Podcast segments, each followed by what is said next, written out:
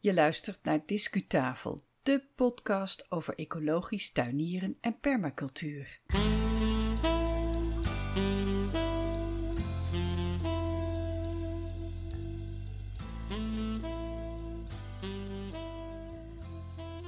Welkom bij de Discutafel podcast. Fijn dat je weer luistert. Mijn naam is Yvonne Smit en vandaag is het 16 augustus 2018.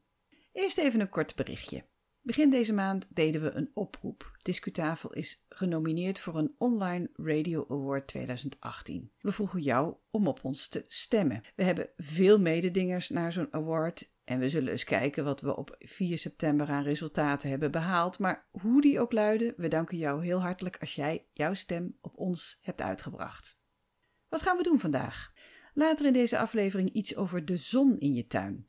Deze zomer hebben we overtuigend ervaren hoe indringend het effect van zon kan zijn. Als je nou weet hoe de zon in jouw tuin valt, dan kan je haar kracht beter benutten voor een ecologisch gezonde en aantrekkelijke tuin. Maak dus je eigen zonnekalender. We leggen je straks uit hoe je dat kunt doen. Maar eerst vervolgen we de zomerrondleiding door de Wawona-tuin. In aflevering 14 van 2 augustus heb ik je iets verteld over de ligging van deze tuin. Dat is mijn privétuin en die hebben we de Wawona-tuin genoemd. We hebben de westzijde verkend en de mediterrane border op het zuiden. Vandaag neem ik je mee naar het terras, de vijver en de moestuin.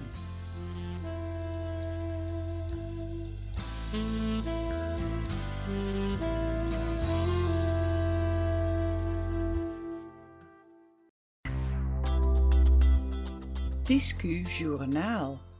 Dan kom ik op het terras en daar uh, zie ik uh, tomatenplanten staan. Voor het eerst dit jaar heb ik die tegen de gevel aangezet, in het zonlicht, in het uh, licht en een beetje beschermd door de overstek van de, van de serre.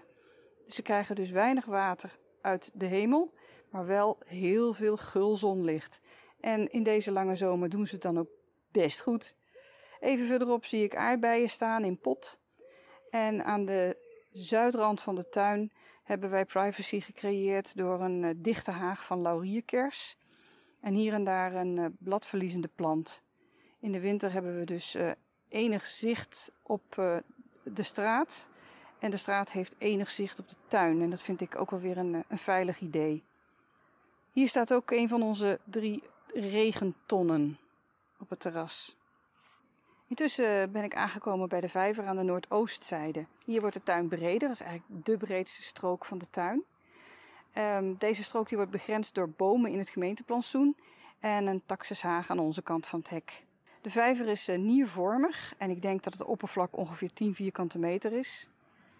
Er zitten geen vissen in, voor zover ik weet. Dat was althans niet onze bedoeling. Maar er zitten wel allerlei insecten in en uh, kikkers en padden. De katten van onszelf en uit de buurt die komen er drinken en de vogeltjes die badderen er geregeld in, in het ondiepe gedeelte. In het voorjaar hebben we wel eens wat hinder van eenden die hier een romantisch plekje zoeken. Die jagen we weg. We zijn wel natuurliefhebbers, maar eenden maken echt een puinzooi van je vijver. En dat, uh, dat vinden we toch jammer, dat doen we niet. Wat erg opvalt dit jaar, als het gaat om die vijver, is dat we er s'avonds heel weinig jagende vleermuizen boven zien en ik weet niet wat ik daarvan moet denken. Om de vijver heen hebben we een soort dijkje gemaakt van de grond die eerst uh, in die vijver lag natuurlijk. Toen we de vijver hebben uitgegraven. En dat dijkje dat is beplant met voornamelijk heesters vanwege het uh, geringe onderhoud. Het is gewoon zeer tijdsbesparend. Mijn moestuin ligt aan de oostzijde van het huis. Hij wordt beschermd tegen de noordoostenwind door een uh, taxushaag door uh, de rhododendrons. Die staan er nog, die gaan vast wel weg binnen niet al te lange tijd. Door hulst en door een paar berken. De moestuin die heeft vijf verhoogde bedden. Die zijn gemaakt van composiet, dus uh, gerecycled materiaal. Het voordeel van verhoogde bedden is dat ze in het voorjaar eerder opwarmen. En dat je er uh, niet overheen loopt, dus je vertrapt de grond niet. Nadeel is wel dat ze uh, snel uitdrogen. Dus ik moet ze misschien iets vaker uh, begieten dan wanneer ik de planten in de volle grond zou neerzetten. Typische beplanting hier in mijn moestuin, dat zijn de meerjarige planten. Of de planten waar ik heel lang van kan oogsten. Zoals uh, snijbiet, eeuwig moes, hyssop, oregano. palmkool, bladkool. Het staat allemaal door elkaar. Ik uh, houd wel een beetje bij waar de koolplanten hebben gestaan, maar voor de rest uh, staat het helemaal door elkaar. Het zijn geen vaste rijtjes zoals een traditionele moestuin. Ik probeer in deze moestuin eigenlijk een natuurlijke situatie wat meer na te bootsen, waarbij planten goed op elkaar reageren. Er staan insectenplanten tussen, planten die echt de goedaardige insecten moeten aantrekken. En zo probeer ik toch planten neer te zetten met functies die elkaar aanvullen. De paden tussen de verhoogde bedden zijn 60 centimeter breed en dat is wat mij betreft wel het minimum, want ik kan daar net met de kruiwagen doorheen. Ze zijn bedekt met allemaal snoeiafval. Nou ja, het woord afval ken ik eigenlijk niet, maar kleine snoeisels. En wat heel goed werkt in mijn ervaring, dat zijn de bladeren van de varen. Als ik in het eh, voorjaar de varens snoei, dan leg ik die bladeren neer in de paden en in de loop van het jaar trap ik die bladeren door het eroverheen te lopen helemaal stuk en krijg je een heel mooi fijne bodembedekking waar eigenlijk geen ongewenste plantengroei doorheen komt.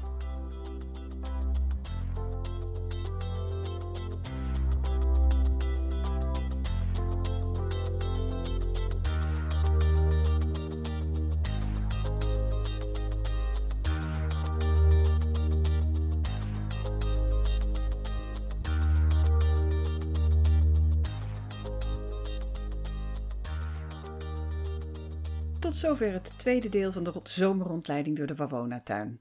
De volgende keer besluiten we met een kijkje in de werkhoek, dat wil zeggen de plek waar ik onder meer planten opkweek en tuinspullen opsla. Maar het wordt nu tijd om eens iets te gaan doen. Discutips. Wij mensen hebben de neiging om onze omgeving naar onze hand te zetten, liefst direct. In permacultuur gaan we echter uit van natuurlijke processen. Het is veel gemakkelijker en rendabeler om met de natuur mee te gaan dan je er tegen te verzetten. Een belangrijk ontwerpprincipe in permacultuur is dus ook observeer. Bijvoorbeeld de zonnestand. Het resultaat is dan je eigen zonnekalender. De verkregen inzichten helpen je om een slimmer tuinontwerp te maken. Als je weet hoe de zon in jouw tuin valt, kan je haar kracht beter benutten voor een ecologisch gezonde en aantrekkelijke tuin. Hoe ga je te werk met zo'n zonnekalender? Nou, oriënteer je eerst eens uh, globaal op de zonnestand. Wat is het bereik van de zon in jouw tuin door het jaar heen? Met andere woorden, waar beweegt de zon zich eigenlijk?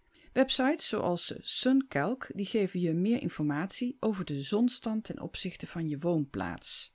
Vaak hebben ze ook een bijbehorende app voor je smartphone. Ga naar de shownote van de aflevering van vandaag voor details. Misschien kan je op basis van je eerste oriëntatie al bedenken wat je zou kunnen aanpassen in je huidige tuinontwerp. Maar dan komt het leuke. Je gaat de zon in je tuin zelf observeren en je eigen zonnekalender maken voor jouw tuin. En het eerste klusje is dan teken je tuin op schaal. Inclusief je eventuele oprit of de parkeerplaats voor je auto. Zelf schets ik het liefste met uh, ruitjespapier en potlood, maar misschien vind jij een tekenpakket veel handiger. Denk bij het maken van je basisschets ook aan andere objecten in en om jouw tuin. Dat is niet alleen je eigen huis, maar ook die boom die je toch wel zou willen houden, of de boom van de buren, de heg, of uh, een ander object zoals de schuur. Die hebben allemaal invloed op de zoninval in jouw tuin. Nou, dan heb je een basisschets en die laat je zo. Als je gaat observeren, dan ga je de resultaten intekenen op een nieuw overtrekvel.